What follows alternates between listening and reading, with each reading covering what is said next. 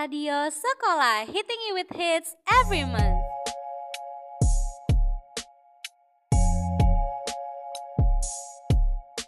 Halo semuanya, balik lagi di Radio Sekolah. Ada aku Dwi, Aku Ines, ada aku juga Armia. Aku Rifat. Dan aku Daniel. Oke, untuk di bulan Februari kali ini kita akan menyajikan berita hangat dari penjuru dunia dan begitu juga dari sekolah kita. So without any further ado, ini dia So Long February.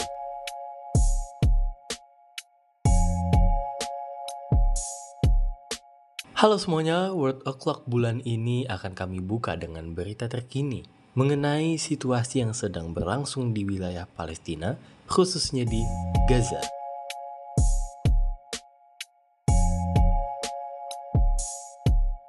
Perlu kita ketahui bahwa saat ini Israel tengah bersiap meluncurkan invasi darat ke Rafah di jalur Gaza Selatan. Pertempuran antara Israel dan militan Hamas masih terus berlanjut dengan Israel menyatakan niatnya untuk masuk ke Rafah guna menyerang dan mencari anggota Hamas. Dalam sehari terakhir, lebih dari 100 warga Palestina, sebagian besar perempuan dan anak-anak menjadi korban dalam serangan dan pertempuran di Gaza. Jumlah korban tewas ini telah melampaui 29.000 dengan pertempuran terberat terjadi di Khan Yunis di utara Rafah. Bom-bom Israel di Rafah, selatan jalur Gaza meratakan sebuah masjid dan menghancurkan rumah-rumah dalam peristiwa yang oleh penduduk disebut sebagai salah satu malam terburuk mereka. Membuat jumlah korban tewas warga sipil Palestina terus bertambah. Para pelayat meratapi setidaknya tujuh mayat di dalam kantong jenazah yang dibaringkan di atas jalan berbatu di luar kamar mayat di kota yang terletak di perbatasan Mesir, di mana lebih dari separuh dari 2,3 juta penduduk wilayah kantong Palestina itu kini mengungsi, sebagian besar di tenda-tenda. Masjid Al-Faruq di pusat kota Rafah diratakan menjadi lempengan beton, sementara fasad bangunan di dekatnya hancur. Pihak berwenang mengatakan empat rumah hancur di selatan kota dan tiga di tengah kota. Kementerian Kesehatan Gaza mengatakan juga 97 orang dipastikan tewas dan 130 terluka akibat serangan Israel dalam 24 jam terakhir. Sebagian besar korban masih berada di bawah reruntuhan atau di daerah yang tidak dapat dijangkau oleh para tim penyelamat, melansir dari Reuters 22 Februari. Sementara itu, warga setempat mengatakan pengeboman itu adalah yang terberat sejak Israel memulai serangan ke Rafah 10 hari lalu, di mana mereka berhasil membebaskan dua sandera namun sejumlah warga sipil tewas. Kami tidak bisa tidur. Suara ledakan dan deru pesawat tidak berhenti.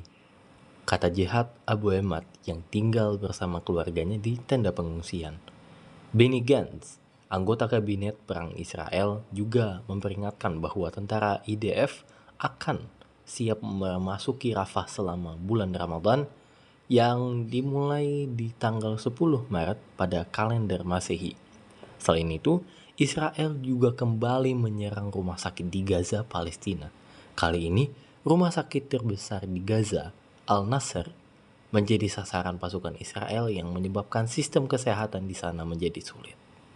Ya, untuk sekarang kita bisa mendoakan agar Palestina bisa merdeka dan rakyat-rakyat di sana bisa melanjutkan hidup mereka sebagaimana mereka seharusnya hidup sebagai manusia.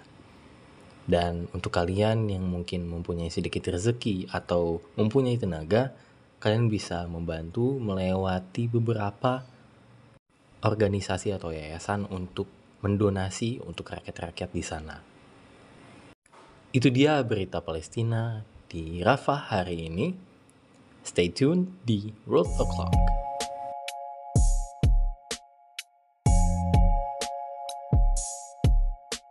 Dan selanjutnya adalah kabar yang menggemparkan datang dari daerah Jawa Tengah, yaitu Demak.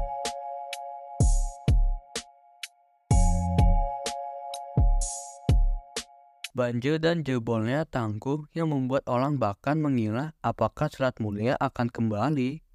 Nah, hujan deras yang turun tanpa henti di Demak selama sehari penuh, ditambah dengan kiriman air dari gelombongan, menyebabkan tanggul Sungai Wulan di Dukuh Nulawito, Desa Ketanjung, Kecamatan Karanggayang, Kabupaten Demak, Jawa Tengah, dan jebol. Camat Karangayal, Ungu Pelakoso menyampaikan bahwa jebolnya tanggul tidak hanya membuat jalan pantulan Karangayal macet, tapi juga menendam area pesawahan dan pemukiman warga. Ratusan kepala keluarga pun terpaksa mengungsi sejak pagi. Di desa Ketanjung jumlah pengungsi mencapai 300 atau 600 jiwa. Lokasi pengungsi saat ini berada di rumah kepala desa Ngaplik Wentan, kecamatan Karangayal, ungkapnya. Akibatnya, arus lalu lintas dari Kudus menuju Demak mengalami kemacetan panjang, terutama di jalan depan pasar Karangayal, Kabupaten Demak. Antrean kendaraan berjalan pelan-pelan, membuat banyak kendaraan mengular, dan Pantulan Kudus tepatnya di Terminal Jati. Penting juga kita perhatikan kondisi kesehatan para pengungsi. Posko pengungsian di Balai Desa Jatiwantan Kudus melaporkan adanya keluhan kesehatan seperti pegalinu, meliang, batuk pilek, dan gatal-gatal. Petugas Puskesmas Karangayal, Demak, yang berjaga di posko menyebut kemungkinan keluhan tersebut karena kelelahan dan stres. Mari kita doakan agar situasi segera membaik dan para pengungsi mendapatkan bantuan yang baik. Stay tune terus di Rock O'Clock.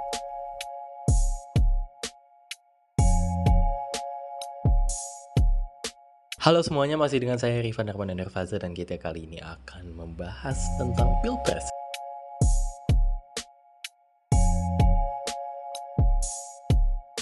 Setelah tadi kita membahas tentang Palestina yang ya kita doakan semoga keadaan di sana cepat membaik. Nah, kita akan membahas Pilpres nih yang sampai sekarang sebenarnya masih panas karena di tahun 2019 kemarin kita hanya mempunyai dua kandidat dan sekarang kita mempunyai tiga kandidat ya yang membuat banyak lumayan banyak perseteruan dan juga kubu. Nah, seperti apa sih keseruannya? Di sini saya akan bahas. Kabar yang lumayan menghebohkan adalah yang pertama ini adalah beberapa petugas KPPS yang meninggal setelah pemilu diadakan. Nah, menurut Ketua Komisi Pemilihan Umum KPU Hashim Asyari selama periode 14 sampai 22 Februari tercatat ada 90 petugas di tempat pemungutan suara TPS yang meninggal dunia saat menjalankan tugas mereka. Dari jumlah tersebut, 60 orang adalah anggota kelompok penyelenggaraan pemungutan suara atau KPPS dan 30 orang adalah petugas ketertiban TPS. Selain itu, Pasca pemilu 2024 terjadi berbagai aksi demonstrasi di depan gedung KPU oleh mahasiswa dan juga bahkan buruh yang memprotes dugaan kecurangan dalam proses pemilu. Masa aksi menuntut penegakan hukum terkait dugaan kecurangan dan menyuarakan penolakan terhadap pemilu yang dianggap curang. Pada sisi lain, proses pemungutan suara susulan di Demak dilaporkan berlangsung lancar nih, karena Kebetulan saat ini Demak sedang dilanda banjir dan di sana itu pemungutan suaranya itu pakai sistem yang susulan karena mereka kan mengungsi gitu jadi mereka sedang mengurus diri mereka sendiri keselamatannya kesehatannya jadi mereka alhamdulillah masih bisa menggunakan hak suaranya walaupun susulan setelah itu nih ada juga yang menarik, yaitu di beberapa TPS terdapat konsep unik, mulai dari konsep konstruksi, pernikahan, dan juga bahkan ada juga yang konsepnya itu angker loh. Jadi yang ngejaga itu ada pocong, kuntilanak, yang ngarahinnya nanti ada gunderuwo. Waduh, serem dah. nah, sebagai penutup, dari itu semua, mari kita semua berdoa agar siapa pun yang terpilih yang terangkat sebagai presiden dan juga wakil presiden Indonesia dapat membawa Indonesia menuju arah yang lebih baik, baik dalam hal domestik maupun hubungan internasional, ya ataupun dalam negeri dan ya masih banyak lagi deh. Pokoknya stay tune di World O'Clock untuk berita-berita menakjubkan lainnya.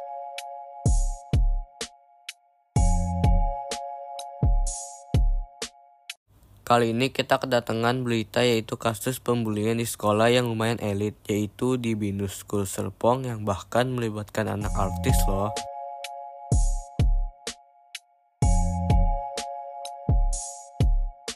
Kasus perundungan di SMA Binus Serpong memasuki babak baru setelah kepolisian menaikkan statusnya ke tahap penyelidikan. Delapan sanksi telah diperiksa pada Kamis 22 Februari dan kasus ini melibatkan dugaan kekerasan yang dilakukan belasan siswa senior terhadap seorang siswa. Korban telah membuat laporan dan polisi tengah mendalami fakta-fakta yang terjadi. Menurut Wakil Ketua Komisi Pelindungan Anak Indonesia, KPAI, Jasla Putra, diduga jumlah pelaku sebanyak 11 orang. Kejadian perundungan terjadi dua kali pada 2 Februari dan 13 Februari 2024. Korban mengalami berbagai bentuk kekerasan, termaksud dipukul, disuduk loko, hingga diikat ke sebuah tiang. Lebih mengejutkan lagi, salah satu dari pelaku disebut-sebut sebagai anak dari artis terkenal, yaitu Vincent Lompis. Vincent Lompis merespon situasi ini dengan menyatakan bahwa dia menyalahkan motif anaknya melakukan perundungan kepada kepolisian. Namun yang pasti kasus ini menunjukkan betapa seriusnya masalah perundungan di Indonesia karena pasti masih banyak di sana yang masih melakukan tindakan pembulian, namun tidak terekspos saja. Mari kita dukung upaya penegakan hukum dan perlindungan terhadap para korban perundungan. Gimana teman-teman work o'clock kali ini? Banyak banget berita yang heboh, penyidikan, bahkan bikin gelam ya. Selanjutnya kita akan melanjak ke segmen entertainment. Stay tune.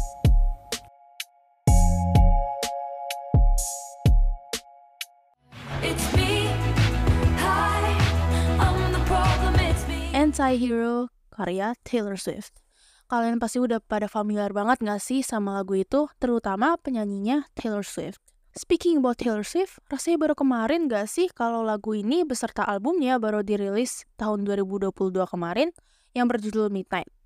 Nah, Taylor ini baru aja ngumumin bahwa ia akan merilis album baru lagi nih, yang berjudul The Toured Poets Department. Pengumuman itu ia ucapkan saat menerima penghargaan Best Pop Vocal Album di ajang Grammy Awards 2024.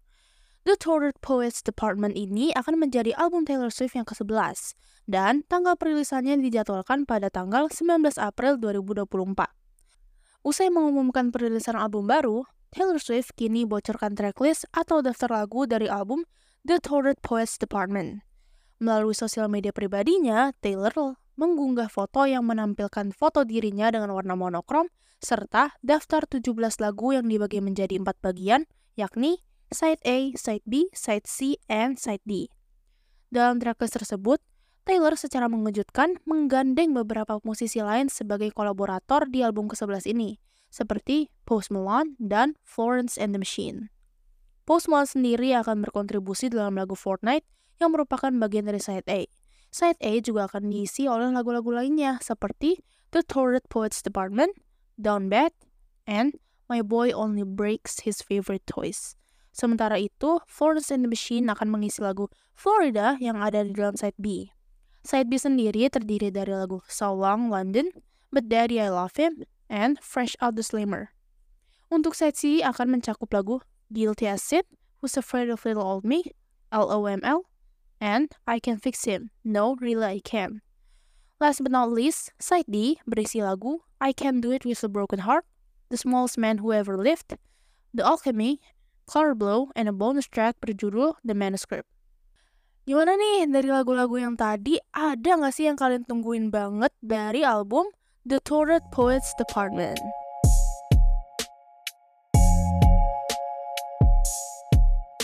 Uh, tidak bisa melupakan itu saya setuju, nggak mungkin dilupakan itu, dan saya tidak mau melupakannya. Bisa memaafkan, oh nanti dulu. Bagaimana kita memaafkan orang yang selalu ingin memusuhi kita? Dokumenter Exil karya Lola Amaria secara kolektif mengumpulkan memori 10 orang para eksil. Para eksil yang dimaksud merupakan orang yang diasingkan di luar negeri karena dicap terkait dengan Partai Komunis Indonesia atau PKI oleh Orde Baru. Mereka semula merupakan pemuda-pemuda Indonesia yang mendapatkan beasiswa oleh pemerintah semasa pemerintahan Presiden Soekarno ke sejumlah negara seperti Uni Soviet dan Cina. Namun, peristiwa G30S mengubah segalanya, terutama semasa Presiden Soeharto naik tahta dan memimpin Indonesia yang dikenal sebagai era Orde Baru. Lah salah apa? Oh saya ikut membela Republik kok. Ya tapi saya disingkirkan oleh mereka. Kata eksil dalam Kamus Besar Bahasa Indonesia diartikan sebagai terpinggirkan. Istilah tersebut merupakan kata serapan dari bahasa Inggris, yaitu exile yang artinya terasing. Dalam konteks film ini dapat diartikan sebagai seseorang yang dipaksa meninggalkan kampung halaman atau rumah yang ia tempati di Indonesia. Film Exile berfokus pada kisah kehidupan para eksil yang terdampar di luar negeri dan tak dapat pulang ke Indonesia. Mereka terusir dari tanah air sendiri akibat situasi politik yang terjadi pada tahun 1960-an. Pada masa tersebut, pemerintah Indonesia mengirimkan sejumlah mahasiswa untuk belajar ilmu pengetahuan dan teknologi ke Uni Soviet dan Cina. Saat kerusuhan pada tahun 1965 terjadi di Indonesia, tak sedikit para pelajar yang dikirim ke luar negeri dituduh sebagai simpatisan PKI maka dari itu, mereka tidak diizinkan untuk pulang selama tidak menandatangani surat pernyataan dan menjalani sejumlah interogasi.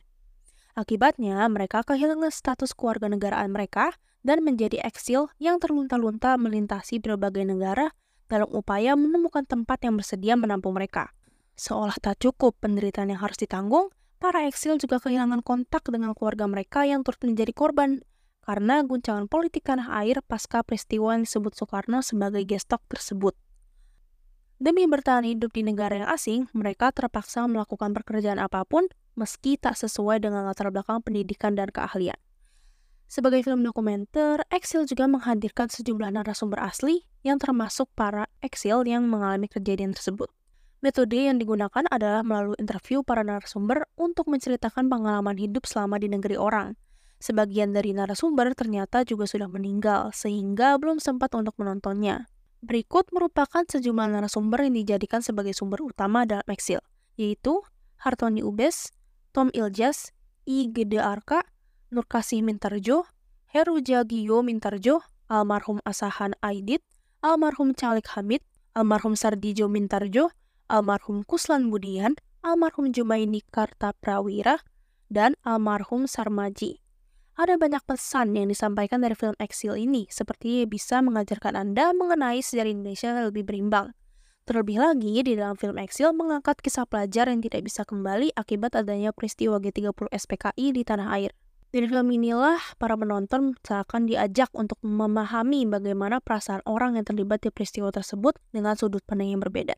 Bukan hanya itu saja, tetapi melalui film tersebut juga akan mengajarkan cara berbedanya bagaimana mencintai tanah air.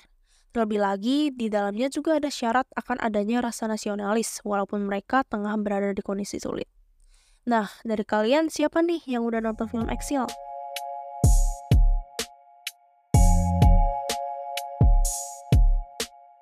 And with that, we're gonna wrap up Entertain Me with Exile. Eits, tapi radio sekolah belum selesai kok. Stay tuned untuk K-Fact and Monthly Meetup.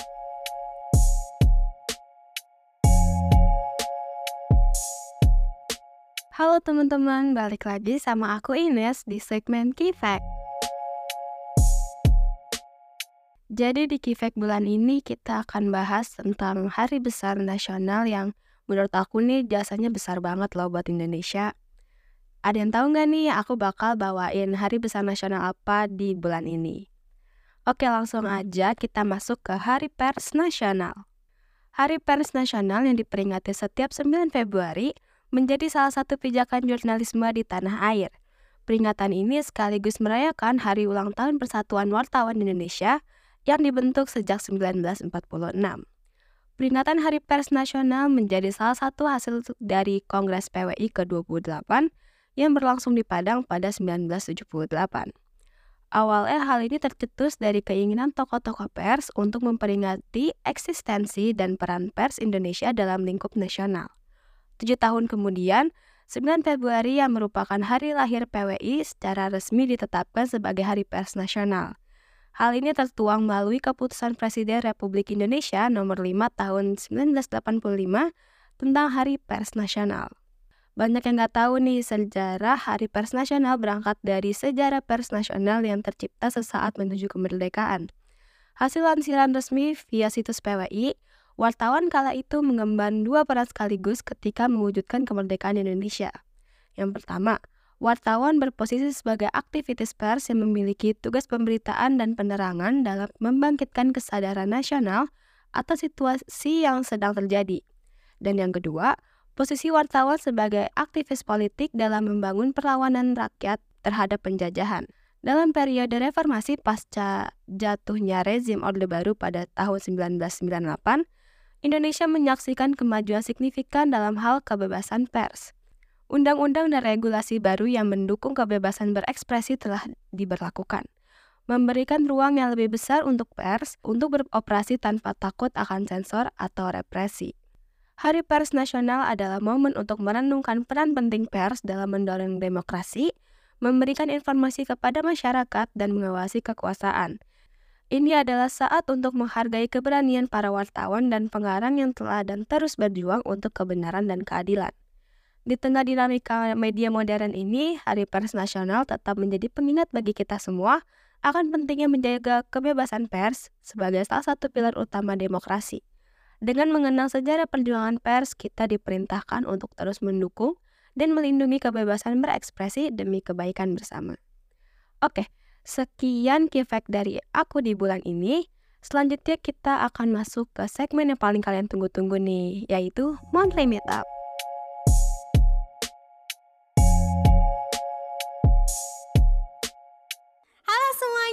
Balik lagi sama aku Dwi di segmen yang paling kalian tunggu-tunggu ya semoga di monthly meet up. Yeay. Kayak biasa nih, bukan monthly meet up namanya kalau kita nggak kedatangan guest star. Nah, guest star kita kali ini masih sama dengan guest star kita bulan lalu. Ada anggota baru Kemenek. Ada siapa di sini? Dengan saya Rifat Rabo dan Herfaza.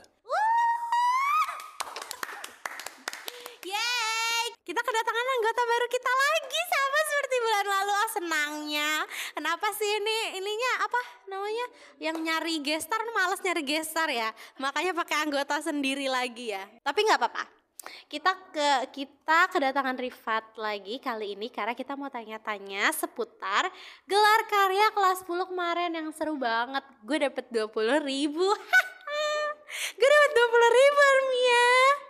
Aku menyanyi di gelar karya mereka kemarin, makanya aku dapat 20 ribu.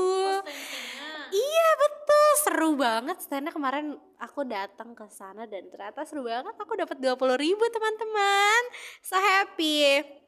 Nah, aku mau nanya-nanya deh, berarti kan dibalik kemarin mereka semua itu kenapa bisa seru banget berbeda ya dengan gelar karya kita kelas 11 ya? Oh, nggak boleh dikasih tahu nggak apa-apa. Langsung kita tanya-tanya aja nih, aku juga penasaran banget kok bisa agak sedikit berbeda garis eh, garis acaranya dengan kita biasanya gelar karya ya. Kita langsung tanya-tanya aja sama Rifat di sini. Halo Rifat, apa kabarnya nih? Alhamdulillah lumayan sehat mungkin. Bagus, sehat. Saya juga sehat walaupun agak pilek sedikit. Oke, aku mau tanya dong kemarin kalian P5 gelar karya itu temanya apa sih? Jadi kemarin di P5 itu kita eh, mengambil tema kesehatan mental. Jadi eh, jadi dari semua kelas itu di dalamnya itu ada kelompok kecil yang nanti di per kelas itu jadi kelompok besar lagi. Nanti ada skizofrenia, bipolar, anxiety, depression dan lain-lainnya. Nah, seperti itu. Aku boleh kalau aku boleh tahu kemarin nih Rifat juga menjadi salah satu panitia dari gelar karya, bener gak sih? Bener, jadi uh, panitia kepanitiaan ini dipilih awalnya tiga orang per kelompok besar. Nah kebetulan saya, Kanaya dengan Wildan dari Bipolar. Nah saya itu kebagian di bagian PJ Perkap. Iya, jadi saya yang uh, nyiap-nyiapin barang untuk ke sana, termasuk meja apa meja dan kursi untuk gestar apa podcast saat di sana. Kemarin saya lupa tuh namanya siapa tuh. Pokoknya orangnya lumayan terkenal sih. Oke, aku mau tanya nih, kamu sebagai perwakilan teman-teman kamu semua ya kan kelas 10 ini, aku mau tanya kemarin tuh yang P5 kemarin eh, temanya dengan tema apa? Eh, kesehatan mental ya. Itu tuh seberapa susah? Menurut kamu tingkat kesulitannya tuh seberapa sulit dari 1 sampai 10? Kalau satu gampang banget, easy peasy, kalau 10 sulit banget. Menurut kamu tuh mewakili teman-teman kamu, apalagi kan temanya baru banget nih baru banget kesehatan mental oh ternyata membuat kita lebih terbuka atas kesehatan mental yang di mana bagus juga sih gitu kan nah kalau menurut kamu sendiri yang baru pertama kali baru pertama kali kan mencari tahu tentang kesehatan mental Iya, betul. Ini pertama kali untuk kayak kelas 10. Jadi kalau untuk saya sendiri, lo ini kalau dari 1 sampai 10 saya bisa bilang 3. Jadi eh lumayan gampang karena ini kan kayak mungkin ada beberapa yang masih ada relate-nya gitu pas dijelasin gitu ada kecemasan kah atau ini itu. Jadi kita masih bisa mengerti dan dari pembicara dari LK dan dari materi-materinya itu ba- bahasanya itu nggak yang berat gitu. Jadi masih bisa kita cerna dengan otak-otak umuran ya 15 sampai 16 lah gitu. Jadi kalau dibilang mudah, alhamdulillah lumayan mudah dan semua LK kita kerjain dengan maksimal. Oke, jadi kalau untuk menurut kamu lumayan mudah lah ya, nggak susah-susah amat karena mungkin sekarang kesehatan mental juga udah banyak dokter yang speak up, dokter ber- apa psikolog-psikolog yang speak up. Jadi mungkin itu yang bikin kalian searchingnya jadi lebih cepat kali ya. Eh, cuman aku mau na- mungkin untuk kendala mengerjakan LK dan segala macam mencari taunya udah kurang lah kendalanya sedikit lah ya kendalanya. Cuma aku mau tanya untuk sebagai panitia kemarin mungkin pertama kali menjadi panitia gelar karya. Pertama kali bukan? Ya, ini pertama kali gitu untuk eh, acara yang benar-benar dari siswa untuk siswa dan bisa dibilang 98% ini dilakukan oleh para panitia. Jadi sisanya itu dari guru itu sedikit. Kita benar-benar nyiapin eh, barang-barang dan tema konsep dan lain-lainnya dari alur eh, orang-orang pada masuk itu kita semua yang urus. Jadi ini benar-benar pertama kali untuk kita para panitia mengurus acara besar seperti ini. Nah ini kan pertama kalinya juga ber- berarti kan untuk kamu, buat kamu eh, ngehandle murid-murid apa siswa-siswa yang segitu banyak. Nah aku mau tanya, un- mungkin kalau untuk kendala yang seperti tadi aku udah ucapkan, mungkin kalau untuk kendala searching P5-nya ini sendiri eh, mungkin mudah buat kamu tadi nilainya tiga. Gimana aku mau tanya kalau untuk kendala saat eh, apa namanya? Kendala saat mempersiapkan acara gelar karya ini apa sebagai panitia? Kalau kendala saat mempersiapkannya paling kita di komunikasi, rapat dan lain-lainnya. Jadi kadang-kadang em, rapat itu kita di spend banyak pelajaran yang kita lewatin juga atau pas pulang sekolah kita pernah berapa kali ya sampai sore gitu. Kadang karena ada yang belum terjawabkan jadinya malam lanjut Google Meet gitu. Jadi sebenarnya kalau kayak gitu ada serunya juga sih kita dapat experience baru juga. Tapi itu juga jadi kendala bagi kita bahwa komunikasi itu kadang-kadang agak susah. Apalagi ada waktu itu ada yang sakit juga beberapa mungkin kecapean atau gimana. Ya, aku juga dulu pernah merasakan ya. Kita juga ya Armia ya. Kita pernah dulu aku juga pernah menjadi salah satu panitia gelar karya kelas 10 sama seperti kalian. Kita pulang jam berapa sih? Jam 7 malam ya. Jam 7 malam dan itu belum kelar juga dan itu hamin satu. Oh my god, nggak usah diingat-ingat lagi deh kalau itu. Tapi alhamdulillah waktu itu aku juga lancar dan alhamdulillah yang tahun ini juga kalian lancar ya. Aku juga kemarin ngelihatnya happy ikut happy juga karena eh, aku sebagai pengunjung aja merasa sukses apalagi kalian sebagai panitia merasa sukses.